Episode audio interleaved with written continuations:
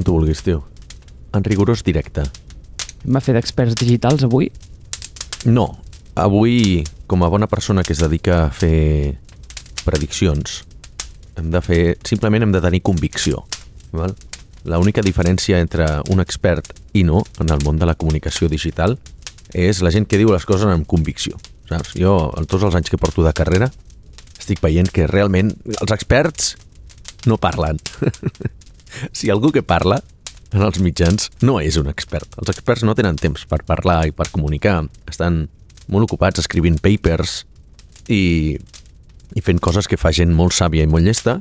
Si et dediques a parlar i a comunicar pels puestos, doncs no, no ets un expert. Simplement, o és una cosa d'ego, o ten, dius les coses amb convicció. I aleshores és veritat que veus molta gent que, que, que fa servir el seu poder de convicció per transformar-ho en persuasió i erigir-se com un expert o una experta.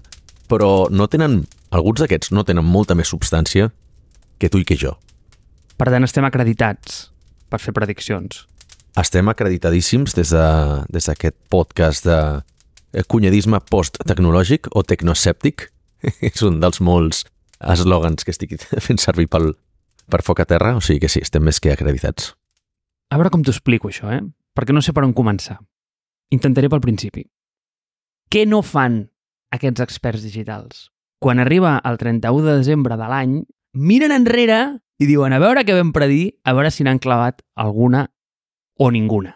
Com que nosaltres som gent diferent, som gent humil, la meva única preparació per aquest podcast ha sigut escoltar-me el podcast que vam fer l'any passat de prediccions. Jo no sabia ni que n'havíem gravat un, si no me'n recordava. M'interessa, dispara. Sí, vam fer un podcast de prediccions al desembre del 2022 i vam treure la nostra bola de cristall i vam predir coses que passarien al 2024. Al 2023, al 2023, perdó. Estem espessos, eh? Mira, jo ahir vaig rebre un correu d'una persona que em deia diu, porto vivint a Barcelona des del juliol del 2024 i m'agradaria conèixer-te. I dic, hòstia, he rebut un email del futur.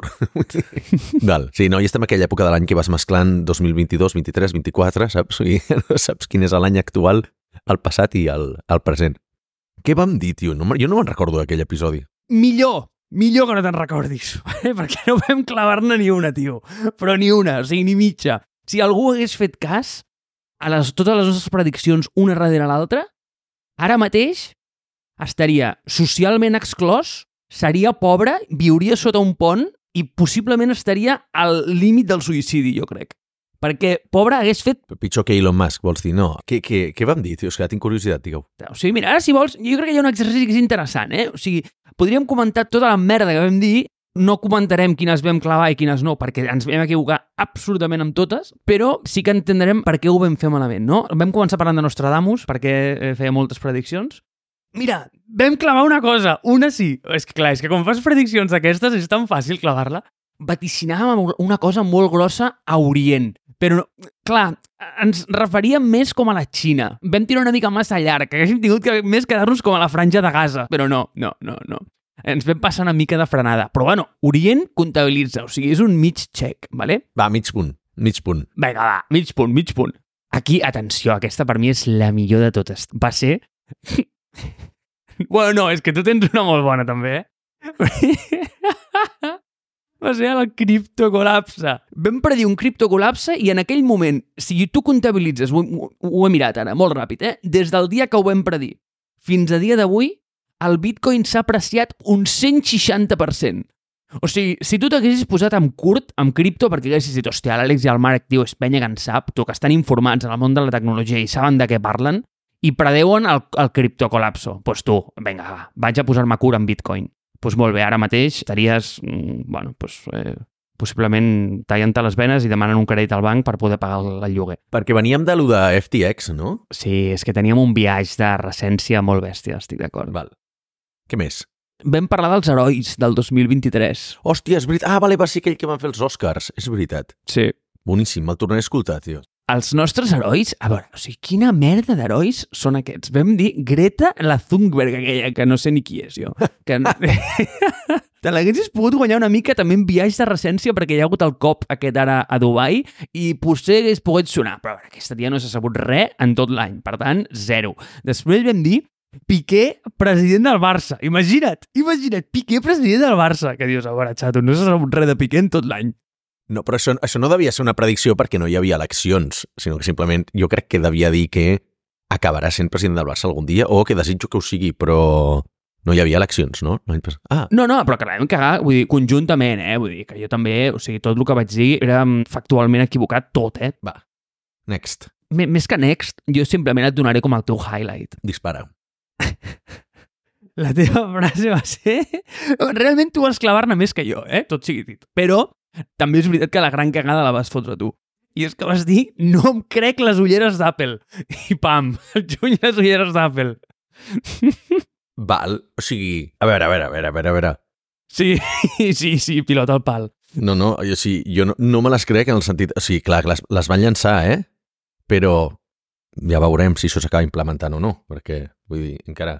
No, no, jo crec que anaves més del rotllo impossible que treguin unes ulleres, o una cosa així. Ah, vale, no, si és això, sí, si és això la vaig cagar. És que no sé, igual s'hauria de tornar a escoltar. Si és això la vaig cagar meridianament. Però eh, si és a nivell de, de, de mercat, no sé, jo m'atreviria a renovar aquesta, aquesta promesa de que mm, ni, ni, bueno, no ho sé, no es, no es vendran que serà un nou Google Glass, però bueno, és la meva teoria. Ja, és que mira, Àlex, i, això és el que em va portar a pensar, no? De dir, si cada any diem lo mateix, algun... O sigui, és allò que un rellotge parat sempre l'encerta dos vegades al dia. Si seguim dient el mateix cada any, és que igual l'encertarem alguna vegada, saps? No tinc el contraargument, que és la... aix- Això s'explica amb el corolari dels diaris esportius o dels fitxatges de l'esport. Saps? Per molt que els repeteixis any rere any, no s'acaben complint, senyors de l'esport, saps? Vull dir, el Barça mai va fitxar Beckham ni a Rui Costa, saps? Per molt que cada any era com este any sí, o bueno, eh, també s'hauria de dir, o el Madrid a Mbappé, saps? Perquè al final, per molt que ho diguis cada any, cada any, cada any, al final això ho fan només per vendre, per vendre portades i ja està, però no fa que, no fa que l'encertis. Ara, el dia que l'encertin, si és que l'encerten, no sé, igual el Barça encara pot fitxar Beckham, eh? però com un, com un assessor o el que sigui. Però diran, como ya anunció el Sport en, en el no ho sé, tio, quan jugava Beckham en l'any 2001, saps? El Barça fitxa, fitxa Beckham. Sí, clar.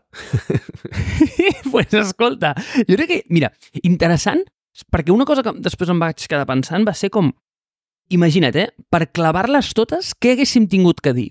Home, bueno, un altre conflicte bèl·lic, per començar... Bueno, a veure, conflictes bèl·lics n'hi ha a tot arreu, no? Però un conflicte bèl·lic que atregui l'atenció de primer ordre mundial, doncs això hauria estat interessant. L'hauríem clavat. Bueno, segurament dir que el de doncs, cripto que aniria, aniria cap amunt. Alguna fusió del gran... Bueno, no, fusions de gran tecnològiques al final no n'hi ha hagut cap, perquè amb lo de Adobe cancel·lant lo de Figma i, i tot això, déu nhi Stop, stop. Una de les nostres grans prediccions va ser exactament aquesta, que hi hauria una consolidació brutal en el sector. O sigui, malament, també. Sí, malament total. Però vam dir que no hi hauria, no hi hauria finançament per, per, per les startups o que això ho vam encertar o tampoc? Jo crec que, jo crec que aquesta tampoc la vam clavar. Vale. Collons, tio. Suspès, suspès total, eh, tio. Podem, ja podem xapar el podcast, eh? A veure, és, és que tu penses, és que és molt difícil. Cada episodi en sabem menys, tio. Ja podem xapar el podcast i anar a treballar per, eh, per, per mitjans de masses. Exacte, tio, ens convidin a TV3 ara que no n'hem clavat cap. Veient que no en tenim ni idea. No, però, vale, vale, dius, conflicte bèl·lic, hauries de dir poques adquisicions, així gegants, i és veritat. Els acomiadaments, si haguéssim dit acomiadaments, eh, l'hauríem encertat. Aquesta sí, Perquè déu nhi eh, com està el panorama. sí. No ha millorat gens. Què més, tio? No sé, a nivell d'alguna tendència... És que tendències tecnològiques... Bueno, clar, a veure, segurament ja... Van par... No van parlar, no?, de Generative AI? Vull dir, potser encara... Tu, tu ja t'hi havies ficat, jo vaig entrar una miqueta més tard. Sí, estàvem per allà. S'havia llançat tot això, però... A veure, no vam mencionar res explícit, però jo penso que una mica es dona per descomptat, eh? que això és com la gran tendència. O sigui, predir aquesta tendència és com dir que el cel és blau. Estàs intentant rascar mig, mig punt mm, per arribar al 3 i mig en comptes del 3, no? O sigui, estic al despatx del professor agenollat a sota la taula ara mateix, eh? Sí. O sigui, res de res. No sé què més hauríem d'haver predit. Potser més eh, temes, temes de societat, no sé, algun escàndol, alguna gran fallida d'algun banc, però no, no ho sé. Clar, el Silicon Valley Bank va ser aquest any, no? O va ser l'any passat? És que estic dubtant. Just veníem d'FTX, va ser finals del 2022. Va ser finals de 2022 també el Silicon Valley Bank? No, Silicon Valley Bank no va ser principis d'any? Veritat, Silicon Valley Bank va ser després, és veritat. Sí, sí, tens raó, tens raó, va ser després de lo d'FTX.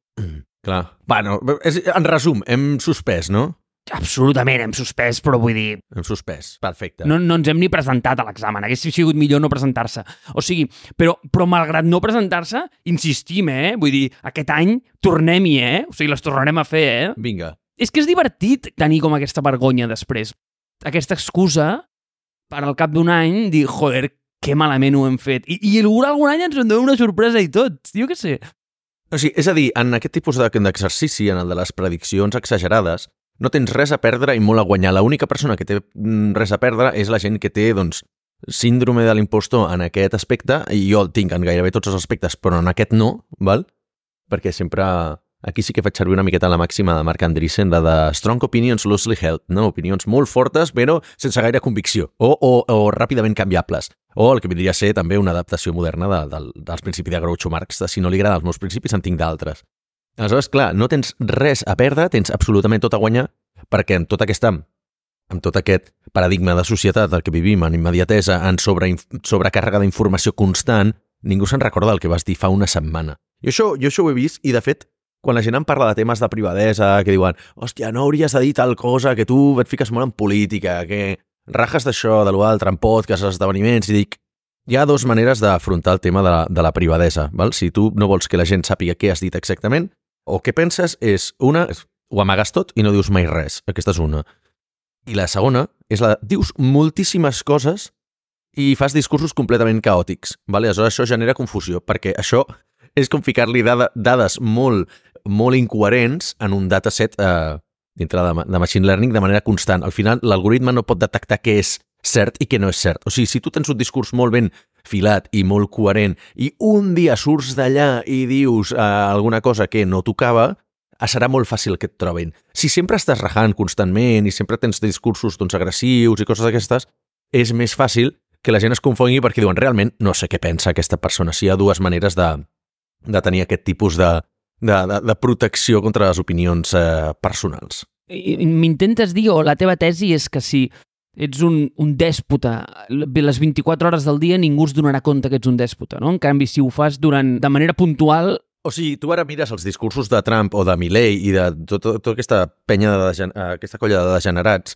i ja ni els escoltes perquè dius, és que generalment doncs, van a dir tonteries i ja dones per descomptat que diuen tonteries i potser diuen alguna cosa interessant, però ja passes, ja passes d'analitzar-ho. En canvi, aquella persona que té el discurs immaculat, sempre respectuós, o sigui, el dia que se surt d'aquí, diu, mare de Déu, saps el que ha dit tal, i de cop i volta és portar a tots els diaris perquè ha deixat entreveure que una vegada va fer, va ser una miqueta despectiu amb cert col·lectiu que ja està, ja has liat. En canvi, els altres, el, el, el Milei mateix, doncs, pot anar insultant a dones homosexuals, gent d'esquerres, gent amb discapacitats i tot aquest tipus de coses i no passa res perquè al final ja se sap, no? És com un, bueno, ja, ja ho acceptem, però és el gran problema, aquest discurs per la societat. Ens estem anant moltíssim del tema a tot això, eh? Vull dir, només vull avisar-te, portem 20 minuts pontificant sobre no res. portem 20 minuts corregint les nostres prediccions errònies.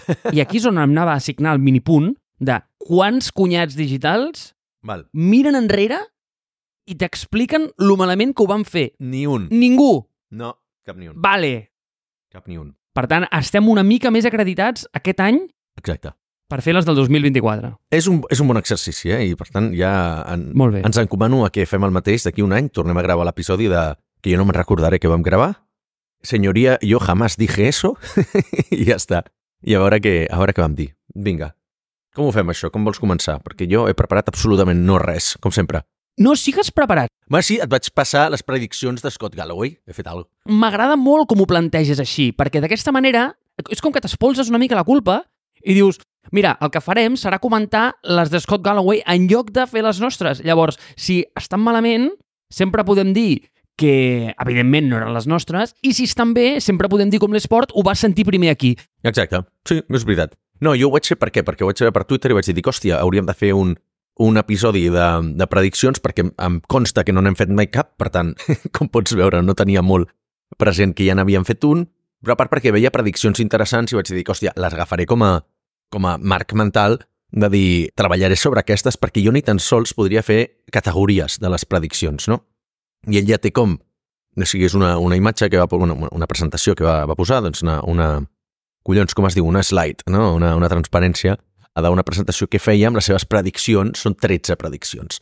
I, i dic, m'agraden bastant totes, crec que algunes estan molt equivocades, però és interessant. És a dir, jo l'agafaria com a marc de referència per si per cada any anar fent prediccions sobre aquests eixos, no? perquè hi ha política, hi ha, hi ha, hi ha això, no? gran tecnologia, hi ha entreteniment, hi ha uh, sector immobiliari, hi ha etc etc. Hi ha diverses coses que dius s'han de comentar.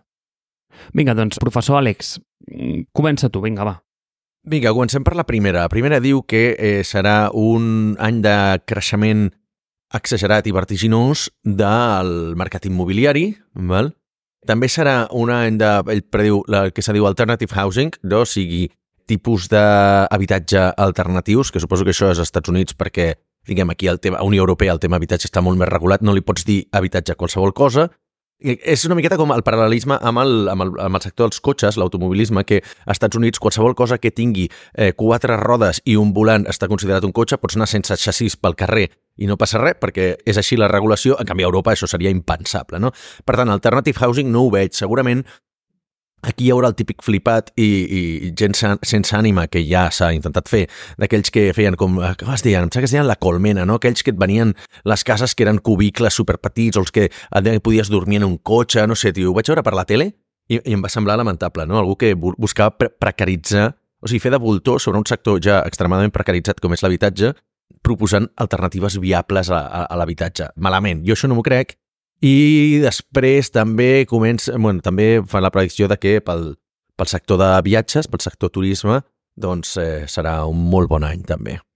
Ara m'ha vingut una cosa al cap i està molt relacionat amb el punt 1 del senyor Galloway. Uh -huh. Aquest punt, nosaltres el 2022 finals veníem d'un 2022 ruïnós. En tecnologia, en tecnologia. I en general, o sigui, l'SP500 se'n va anar avall d'una manera important al 2022. I clar, i veníem amb una mica, eh, no sé, amb aquesta recència, com que... I tothom ens donava aquesta idea de vindrà la recessió, vindrà la recessió, l'any que ve és l'any de recessió, l'any que ve serà un drama... Molt bé, l'any que ve serà un drama, o sigui, el 2023 és una barbaritat el que s'ha apreciat al, al mercat en, en, en un sol any i la recessió, a mi que m'expliquin el que vulguin. Tothom diu que vindrà i és com el llop aquell que vindrà el llop, vindrà el llop i el llop mai ve, però jo la recessió no la veig absolutament per enlloc.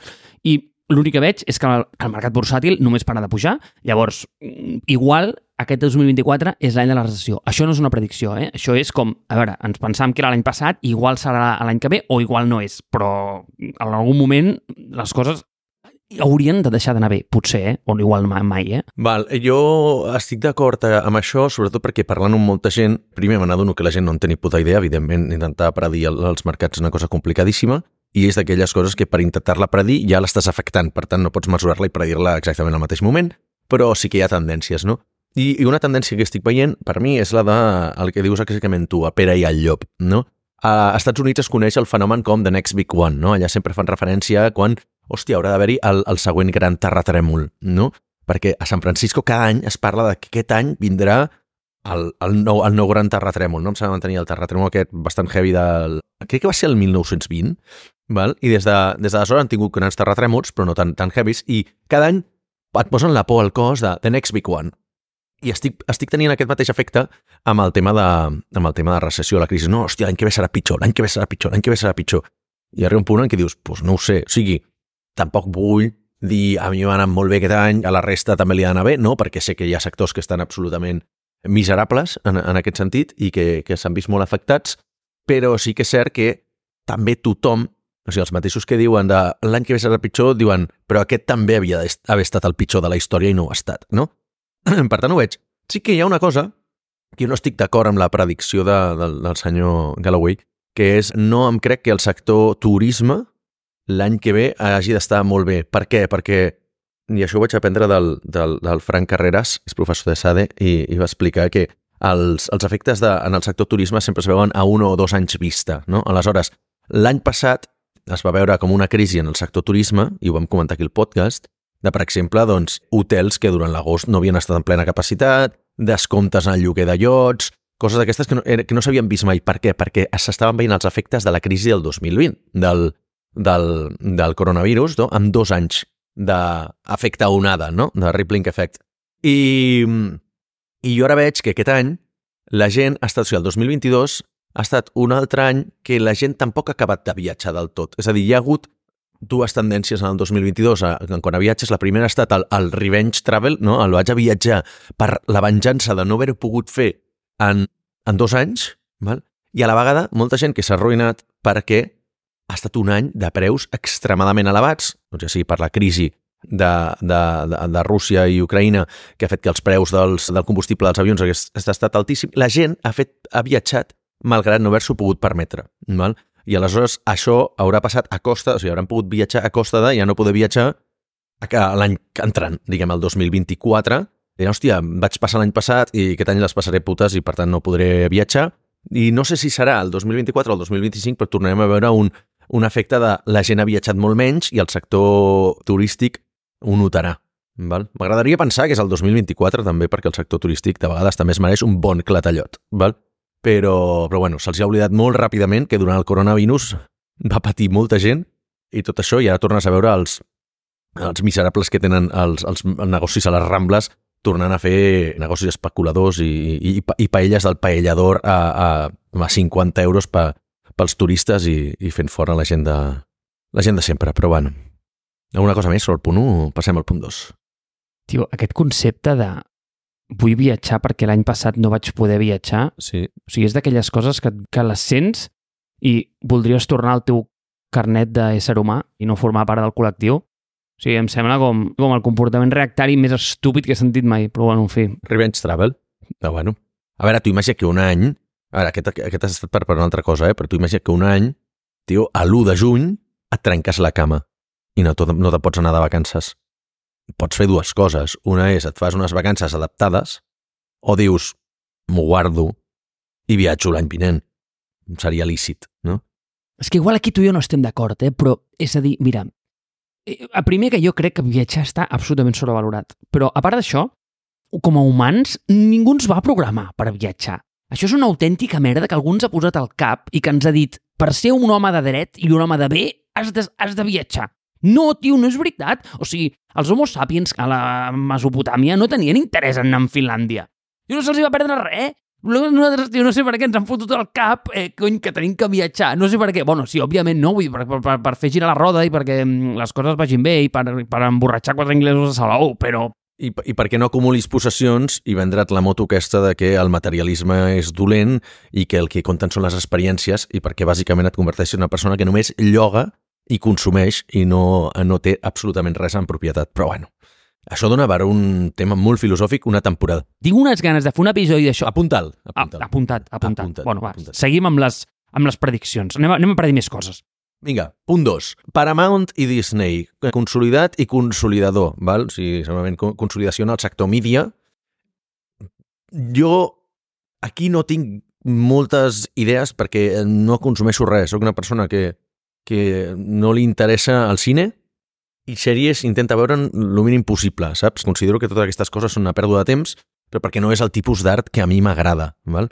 Aleshores, mm, intento estar bastant al marge d'aquest sector. No tinc molt a aportar, però segurament sí que puc fer una, una petita predicció, que és la gent es cansarà de, de pagar de tantes plataformes de pagament, perquè al final són 20 euros per cada una, no? I la gent que paga per, per HBO, la gent que paga per Amazon, per Disney+, Plus, per Movistar, per DAZN, per Netflix i no, Spotify i no sé quantes altres, val? o sigui, ja només falta perquè, la gent que, que, aquí no passarà mai, però als Estats Units passa, la gent que paga per, per, per YouTube Premium, no? No ho sé, tio, potser...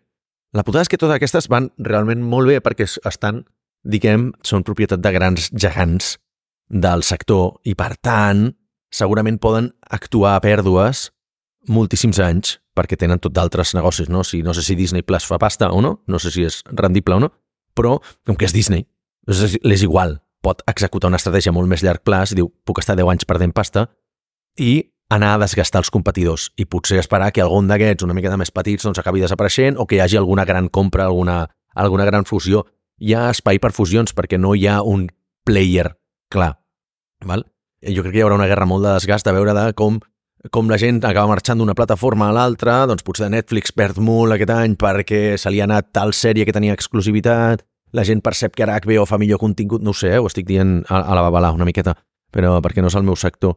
No crec que hi hagi moviments aquí, però sí que hi haurà una tendència de la gent desencantar-se una miqueta d'això. M'agrada, però potser eh, estic esbiaixat i estic pensant, estic projectant el que m'agradaria. Et diria que la branca de la tecnologia que més mandra em fa i que mai he aconseguit entendre, igual perquè és això, no? em fa molta mandra com començar a rascar-la, és aquesta de, del mídia americà, com aquestes plataformes de Fox, Paramount, Disney, CNBC, es veu que es compren i es venen entre elles i és com tot molt rellevant, però a mi, o sigui, se'm passa tot per l'esquerra i no entenc absolutament res del que, del, del que està passant allà.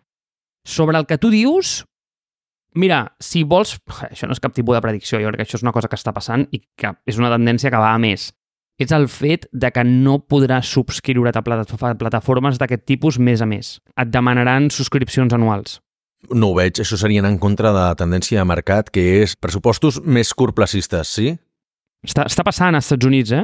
A veure, és una manera de qualificar més el teu, el teu client. És, això en SaaS és un moviment arriscat que el que et fa perdre, o sigui, a curt plaç et fa augmentar el churn, però a llarg plaç acabes tenint clients de més qualitat. No? És l'estratègia contraintuitiva aquesta de dir, mira, més o menys em va bé, és com si jo la meva empresa, diguem, passem de cobrar 80 euros l'hora i dius, hòstia, no tenim, tenim projectes, però no sé què, però va, anem a fer l'estratègia per l'any que ve és pujar-ho a 100. Per què? Perquè així filtra, perdré molt menys temps clients que realment no paguen el que realment hauria d'estar de, pagant i durant un temps puc passar una miqueta de gana, però a la que arribin els clients que volen pagar aquest preu són clients molt més qualificats i jo estic assumint que serà gent que et contractarà més i millor. Val? És un acte de fe, però jo no ho acabo de veure, perquè al final qui, qui s'acaba mirant... O sigui, crec que hi ha una, una, una correlació molt gran entre persona que està subscrita a totes aquestes plataformes, no vol dir que les pagui, eh? perquè igual les té compartides amb la família i tot això, i persona que realment no s'hauria de poder permetre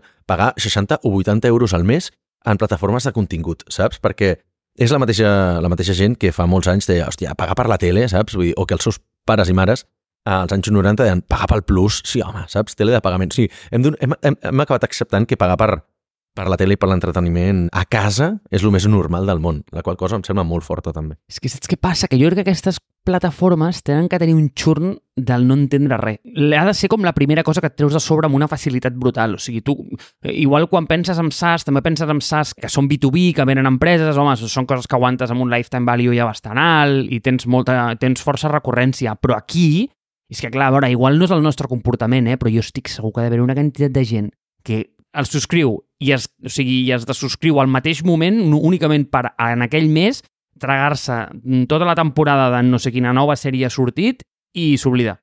O el que tu dius, que ho té compartit, bla, bla. Sí, però és una captura de client a nivell de mercat, o no de plataforma. És a dir, la gent quan comença a pagar per una d'aquestes, ja està. El que farà és anar saltant de Netflix a Amazon, a HBO, etc etc, però no s'acaba traient de totes, sinó que ja s'acaba estant acostumada a pagar-ne una, dos o tres i va rotant. Per tant, el mercat ha capturat aquest usuari, eh, és més raro veure una persona que pagava 3 de cop i volta no en paga cap. Ja. Saps? Això és extremadament estrany. Aleshores, saben, segurament aquestes plataformes saben que es dona de baixa de Netflix una persona al cap de 6 mesos o al cap d'un any acabarà tornant. Val? Perquè igual fa una gran, un any de consumir tot el que pugui a Disney Plus i després l'any següent pot tornar a Netflix. Jo crec que deuen tenir-ho, això ja. Però bueno, en fi, passem al punt 3 o què? Vinga, va, punt 3 parla de la predicció dels stocks val? De, de bolsa i aleshores parla de, els, dels streamings que són els que... Bueno, aquí posa streaming laggards, val? Si, si entenc bé el concepte, és uh, tots aquests, totes aquestes plataformes de, de streaming que sembla que van tenir la, el gran creixement durant el 2020, aquesta és la meva interpretació, eh? i que no han acabat de, de despuntar, que estan allà de manera dormant, no sé com dir-ho, inclús de manera zombi, i que, que poden despertar en qualsevol moment. No? Aquesta és la meva interpretació al punt 3, que no acabo d'entendre ben bé com ho ha formulat. Vinga, no l'entenem. No l'entenem, mm, però com va molt lligada a l'anterior, per tant, jo, si vols, la passaria, aquesta. Però bueno, quina, quina predicció d'estocs faries tu, d'estoncs? Tu què diries? No és investment advice, eh, això, però si haguessis de triar una categoria que ha de créixer molt... Saps allò que podria dir qualsevol i tindria les mateixes probabilitats d'encertar-la? Va, jo, jo videojocs, si inverteixes en videojocs aquest any, jo crec que serà el, el teu any, però per, perquè ha, o sigui, tot el que vinc sentint de... El cas d'ús de la intel·ligència artificial, on més ho està patant en aquests moments, on més s'està evidenciant el retorn a la inversió és en els videojocs. O sigui, el 87% dels, dels, dels videojocs que estem consumint avui en dia ja fan servir intel·ligència artificial de manera molt ostensible, saps? I, molt, i, i no allò de dir, ui, és un, és un nice to have. No, no, realment està en el core del videojoc. Jo crec que hi haurà grans canvis en la, en la indústria. I pot ser que siguin ja l'any que ve, val? Però bueno, crec que això... Home, a mi si em preguntes financial advice, igual et diria, fill meu, crec que estem en all-time high de tipus. No crec que la vagin a pujar més l'any que ve. Em costaria molt pensar-ho. Crec que és un bon moment per comprar renta fixa, perquè en el moment que s'inverteixi la curva i comencin a baixar els tipus, els teus bonos i les teves lletres i les teves inversions en renta fixa s'apreciaran de manera notable. Un bon consell d'inversió molt conservador. Molt bé que hagis mencionat el tipus fixe, perquè en aquest episodi no hi havia hagut referència a la cocaïna i ja està, i saps? Ja l'hem fet de manera indirecta.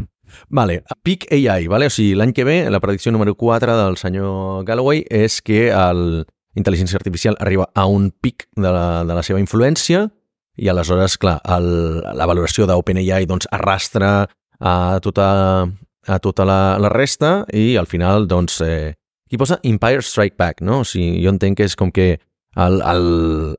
collons, com es diu això? Els incumbents acaben contraatacant.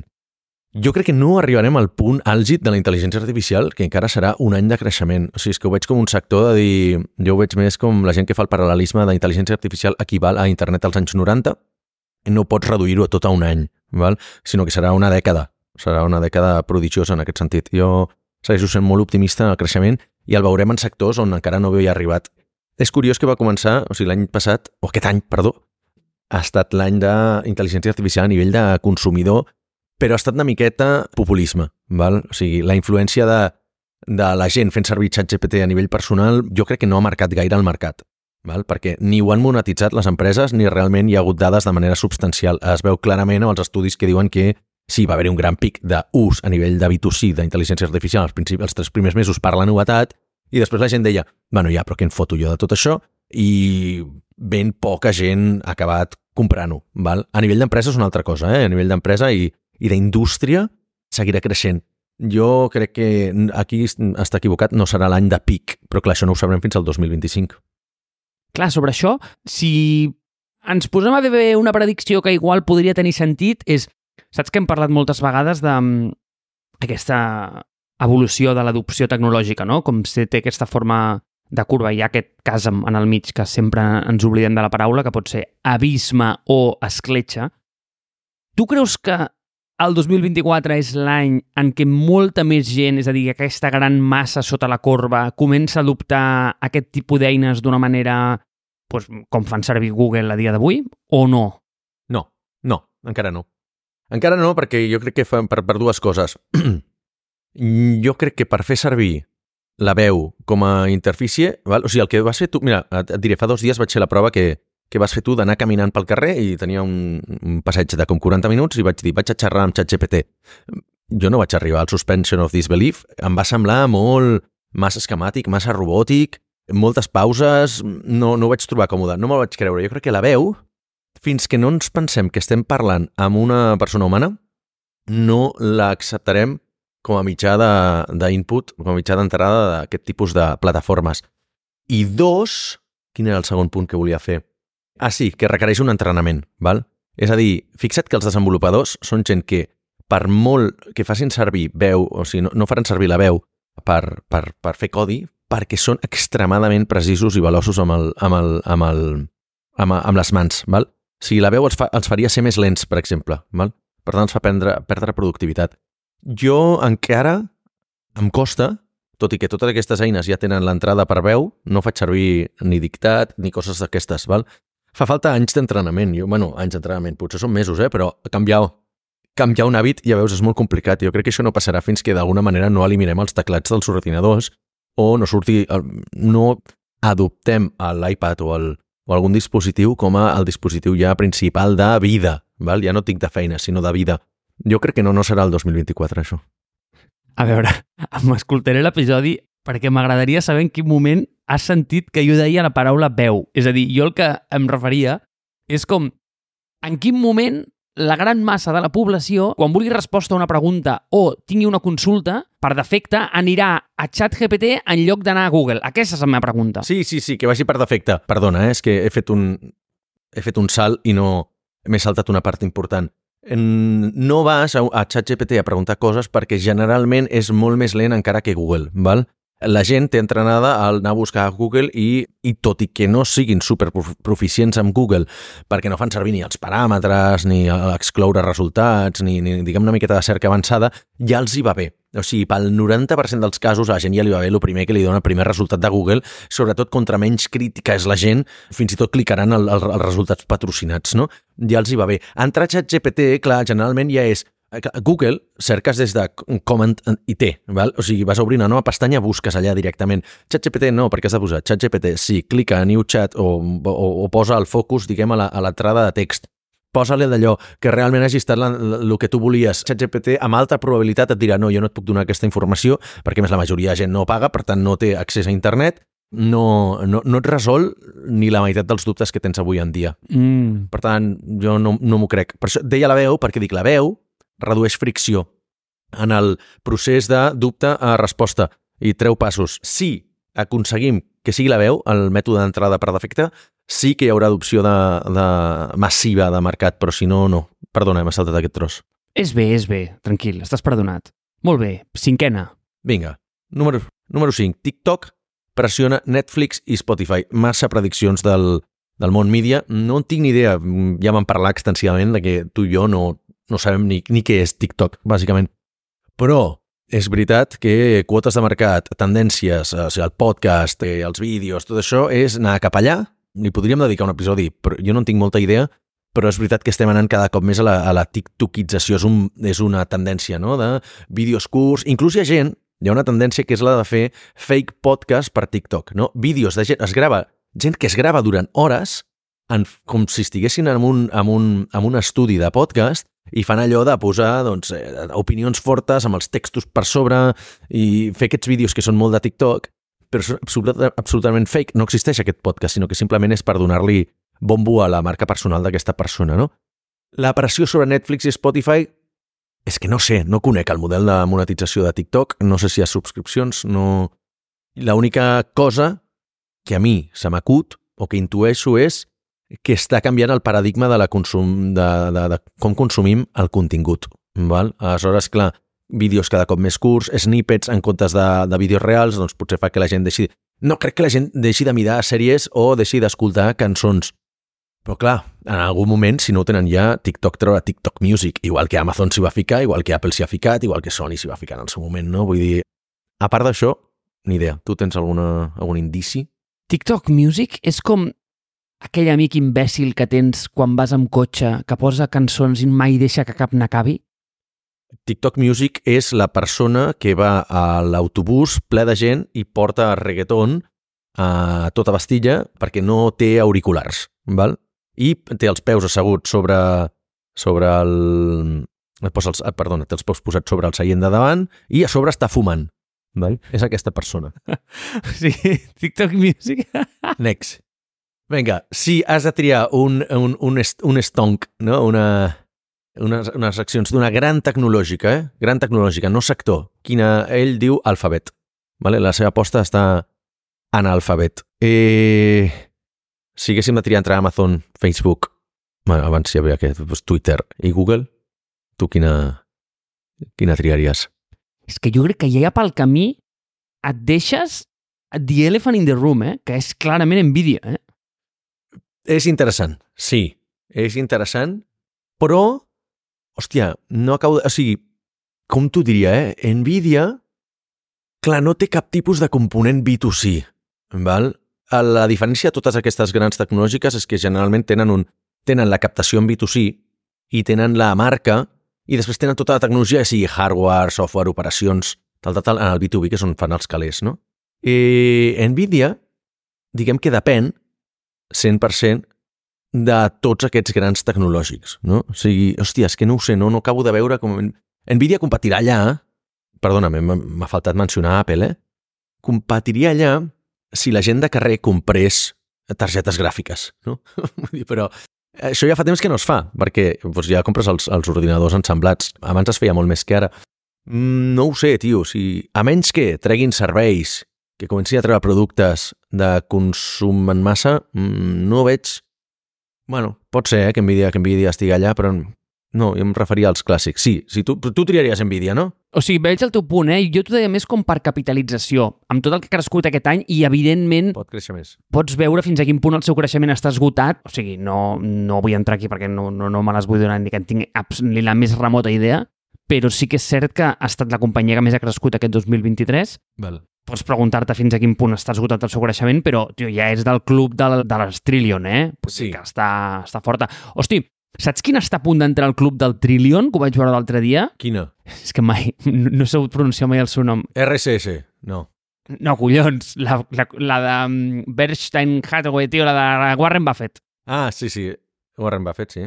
Eh, Jo triaria... Em dispararé una mica del peu, eh? Però jo crec que jo si he de triar un stock per l'any que ve serà Facebook, tio. O sigui, Meta. Per què? Mm, Capitalitzar és un dels punts que té més endavant, però WhatsApp, val? O sigui, jo crec que el, han fet el moviment equivocat amb llançar threads sobre la tecnologia d'Instagram. Bueno, no equivocat, però crec que és incomplet. Jo crec que l'haurien d'haver llançat sobre WhatsApp, perquè Instagram és un mitjà que estava clarament en declivi, i Instagram, ah, perdona, i Facebook, joder, Facebook, estic molt espès, tio. WhatsApp creix moltíssim, segueix creixent, tio. O sigui, és literalment aquella tecnologia que tindrà tothom al planeta, val? Però bueno, jo diria Facebook. Vinga, punt número 7. La tecnologia de, de l'any. Aquí ha posat GLP, un segon, no sé si tens la, US, no sé si tens alguna, alguna predicció sobre, sobre això. No sé ni què és GLP, eh? també t'ho dic. A veure, noi, és el glucagon peptide. Vale, explica'ns-ho. Ah, mira, ah, d'això en parlava el dia, el dia d'Apple. És la tecnologia de l'any. és un inhibidor d'insulina... Vale. Tio, a nivell mèdic estic fluix, però vull dir, ho, ho he sentit com funciona. I és un, un medicament que es va començar a utilitzar per diabètics, però que resulta que és miraculós i fa perdre pes i, bé, i et rejuveneix. Eh, Jo què sé. No sé per què ho ha posat aquí, no sabia que era tan important. Em sonava més com aquestes medicines com rapamycin o metmorfin i coses d'aquestes que sembla que tinguin que ser el sant grial del, del rejuveniment i després, no ho sé, vull dir, acaben sempre amb estudis clínics o i coses d'aquestes i resulta que només funciona amb rates. Però no ho sé, no et sabria dir. Jo és que no sé si serà tecnologia de... A veure, clar, si ara estic esbiaixat pel tema de la, de la medicina, eh? Però sí que m'agradaria pensar que pot haver-hi l'any de consolidació de l'Apple Watch com a dispositiu mèdic, val? per alguna cosa, pel que ja vam parlar de tecnologia aquesta que s'especulava, que tenien del, de la medició sense punció de, dels nivells de glucosa en sang, o altres coses, val? millora molt en la, en, també en la medició de, mm, dels batecs de cor, no sé, altres, altres històries, m'agradaria pensar que anirà cap aquí. No sé si serà la, tec- la tecnologia de l'any, eh? però és un títol que em queda molt grandiloquent i també pensar en, en poder encertar-la, a mi això queda, em queda gran. Val, a 8. Índia és la nova Xina. Aquesta me la crec, absolutament. Vull dir, ho veig en el sector, ho veig en la societat, i ho veig sobretot perquè, clar, diguem, és més fàcil simpatitzar un país que té tots els seus defectes del món, ja ho sabem quins són els defectes d'Índia, però no són comunistes, val? Aleshores, clar, si va el màxim mandatari de Xina, va als Estats Units i hi ha hagut acostaments entre les dues grans potències, i al final del viatge encara no està l'altre a l'aeroport, ja Biden li està dient sí, sí, però, però són, són uns comunistes, saps? O, que no me'n recordo exactament què li va dir, però ja li va, li va llançar una punyalada en el moment que es va girar l'altre, no? Clar, què vol dir això? Que serà molt més fàcil poder comerciar, acceptar mundialment que Índia és una gran potència que no pas acceptar-ho, o sigui, deixar de, de, de llançar merda als comunistes, no? O sigui, per això doncs, Rússia també ha tingut tots els grans problemes que han tingut a nivell de relacions diplomàtiques, doncs Xina ha patit més o menys el mateix per no estar en el carro del joc del, del sistema capitalista. Nano, això també ho va sentir primer a foc a terra, eh? Sí. Perquè ho vam comentar ja fa molt de temps que 2023 seria l'any en què Índia superaria en població a la Xina. Sí, correcte. No sé si ha passat o no, podria ser també una predicció errònia, però aquest home, un any després, ara ens ve a dir eh, que la Índia estarà més forta que la Xina. Doncs pues això ja es va anunciar a foc a terra. A veure, si ho estem mirant a finals d'aquest any, 1.4286, la Índia, 1.4257, Xina. Sí, sí. Posa que es va, es va superar aquest any, no? Has India Population Overtaken? Però clar, és molt complicat perquè són dos països que també tenen els nivells de registre de gent una miqueta incerts. Però s'estima que sí que aquest any la Índia ha superat a Xina a nivell de població. Sí, clar. A veure, a veure com els comptes, eh? Sí, exacte, a veure com els comptes. Número, bueno, eh, en Bitcoin, en blockchain. Número 9. Normalització de les relacions entre doncs, els països que ara estan en conflicte, namely Israel i països que sorrondegen aquella zona. Val? I al contrari, les relacions entre Xina i Estats Units es, es desfan, es, es desglacen. Tio, vaig molt coix de política, Àlex, ho sento. Jo també, tio, passem. No, jo crec que no, no, no. El conflicte d'Israel només acabarà quan Israel arrasi amb tots els països del, del voltant i ja està. És l'única manera que, que, amb la que acabaran i l'única manera que permetran tots els països que es diuen desenvolupats. Eh, el d'Estats Units i Xina realment a mi me la porta molt fluixa i, i no ho sé, no, no, no, no m'atreveixo a fer aquest tipus de prediccions. Vale, 10, aquesta m'interessa molt, ens interessa molt, li interessa a tothom que està escoltant aquest podcast, que és eh, Elon Musk perd el control de Twitter o el ven. Jo crec que sí. Aquesta me la crec i me la vull creure. Estic desitjant que passi i posaria pasta que això passarà. Eh, se li trencarà la joguina, tio. O sigui, l'espectacle lamentable aquest d'insultar Bob Iger en aquella roda de premsa on clarament anava ple de metamfetamines, Elon Musk, jo crec que el de Twitter li ha explotant a la cara perquè o sigui, al final ja no hi ha ningú que estigui pagant per fer, per fer publicitat a Twitter i al final és l'única manera que tenien de fer pasta.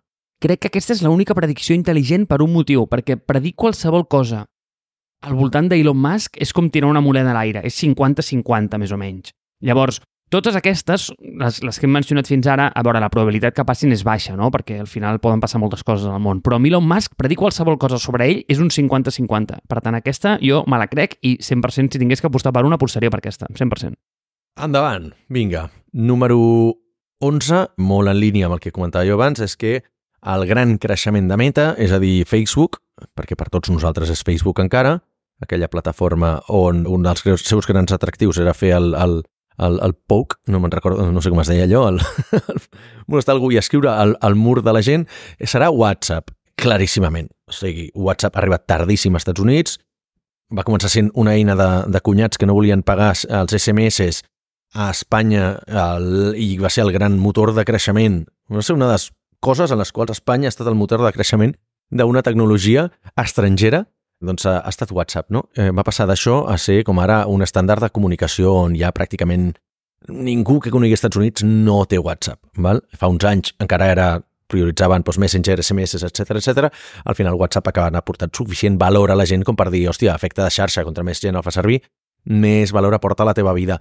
I s'està veient en, les, en els grans avenços que hi ha hagut aquest any, no? la reescriptura de plataforma, el fer-ho multi, el multidevice aquest que ja no depenies només de, del mòbil per fer-lo servir al, al, a l'ordinador, el tema de les comunitats, els tipus d'arxiu, hi haurà moltes més coses, WhatsApp for Business, etc etc. Jo crec que sí. O sigui, WhatsApp, per mi, mira, et diré més, doblo l'aposta, WhatsApp per mi s'acabarà convertint en el que Elon Musk volia fer amb Amics, la superaplicació aquesta que permetia fer tot. Per mi, WhatsApp arribarà abans a ser el, el diguem, hòstia, que no és l'aplicació aquesta xinesa que, que ho fa tot, tio. WeChat. WeChat, WeChat. WhatsApp arriba a ser WeChat molt abans que els experiments de, de Elon Musk.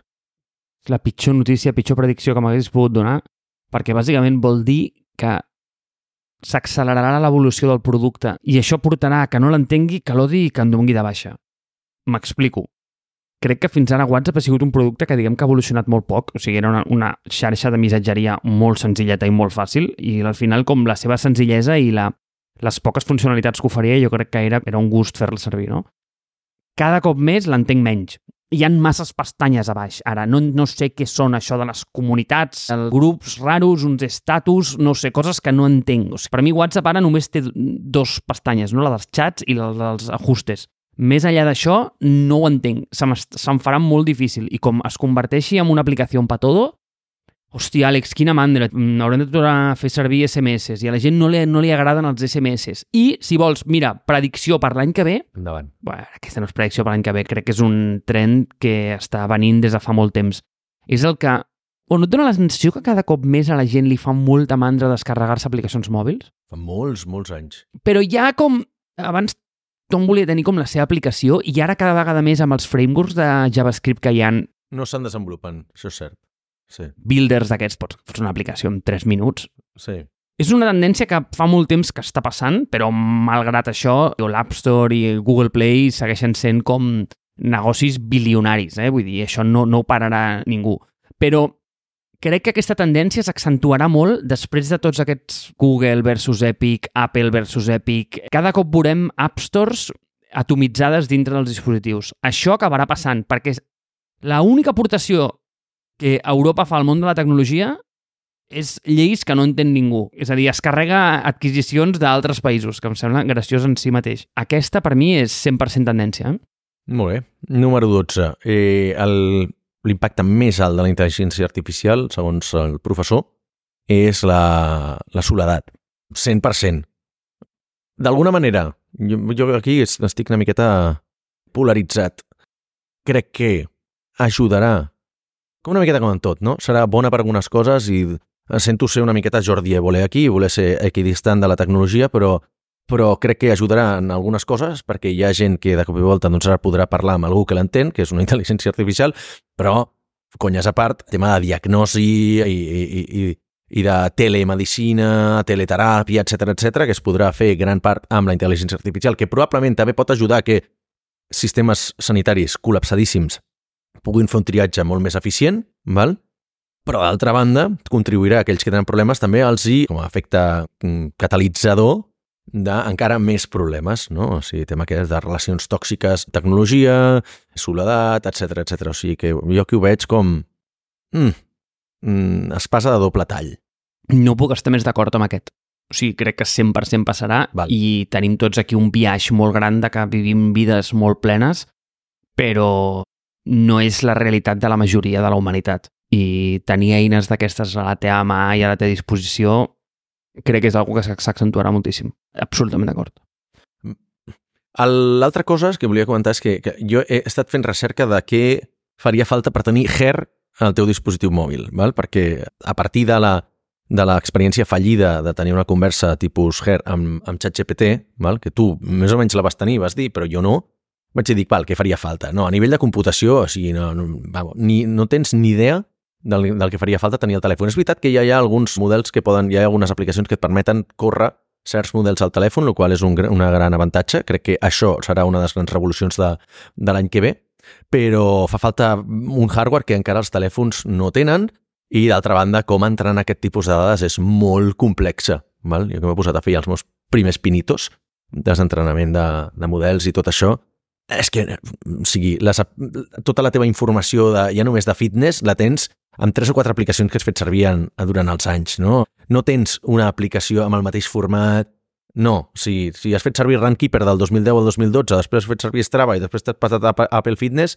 bona sort consolidant aquest tipus de dades i, clar, d'alguna manera tampoc tens l'històric d'abans d'haver tingut un, un smartphone, no? Con la qual també serà difícil en- entrar en aquest tipus de coses. Dit això, no tindrem un HER l'any que ve, val? O sigui, jo crec que això encara estem a uns quants anys vista. Val, després parla de temes d'inflació, però no sé si tu vols aportar alguna perquè no en tinc ni idea, crec que ja ho, ja ho havíem tocat. Però la última predicció amb això podríem tancar és reelecció de Joe, de Joe Biden, Joe Sleepy Biden, i Trump sentencia- sentenciat. Jo crec que això és més una projecció del que vol que passi. Jo crec que serà al revés. Jo, malauradament, crec que Trump, si no és Trump, serà algú altre de la mateixa calanya que serà el que guanyarà les eleccions perquè Biden és el claríssim exemple d'esquerra polla vella, bueno, esquerra per dir-li alguna cosa als Estats Units, eh? De, de, per mi és l'equivalent de si hagués guanyat Alfonso Guerra a les eleccions a, a Espanya, vale? o Felipe González, que diuen que la gent de la dreta ho fa servir com mira l'esquerra que malament ho ha fet, quan en realitat és tan dreta com ells, i la gent de l'esquerra no empatitza amb ells. Per tant, no el votaran, no votaran, l'esquerra no votarà Biden, la dreta està volcadíssima contra Biden perquè eh, segurament doncs, ha permès coses que Trump no hauria permès i guanyarà la dreta d'una manera molt, molt exagerada als Estats Units, també per consolidar la tendència aquesta de la gent amb pentinats estrambòtics, bueno, anava a ser molt cruel amb la seva, amb la seva aparença física, però bueno, crec que no hauríem d'escatimar en insults i vexacions quan estem referint-nos a gent de la calanya de Donald Trump, Milley, Boris Johnson, Abascals i companyia. Molt bé, Àlex. Doncs escolta, això ha estat una bona recol·lecció de prediccions. Tu no t'has mullat, eh, en política, Marc? Segueixes sense mullar-te en política, tu. En política? Però què vols que et digui? Però si no sé qui és el president d'Espanya. Bueno, però, eh, però ningú sap qui és el president d'Espanya. Bueno, jo t'ho diré, saps qui no és el president d'Espanya? Pedro Sánchez. Però als Estats Units sí, tio, com a primera patència mundial potser hauries de tenir alguna opinió. És que tu rius, eh? O sigui, ara mateix entenc que com és Pedro Sánchez perquè tu has dit que no és Pedro Sánchez, jo entenc que deu ser ell, no? Però si vols que et digui la veritat, em poses en un, en un qüestionari d'aquests del 50 por 15, de, o sigui, mític programa de, de com es deia? Solana? Eh, Carlos Solana? No, com es deia? El... No, no, no, Sobera, Carlos Sobera, tio, el de les celles. Sobera, Sobera, això. Tio, em portes allà en aquell programa i em poses allà qui és el president d'Espanya i em poses com dos o tres opcions confuses i en allà em poses Alfonso Guerra per despistar i no et sabria dir, eh? No, però... No, clar, és que anava a dir, dic, al final Estats Units, vulguis que no, la política dels Estats Units té molta més influència en el món de la que haurien i de la que ens agradaria, però malauradament això acaba passant. D'altra banda, també és d'allò que nosaltres hem engullit la narrativa aquesta de que els Estats Units lidera el món i està perdent influència. Mira, diré una, una, una petita predicció que crec que als Estats Units, començant l'any que ve i cada cop més, perdrà influència en política internacional.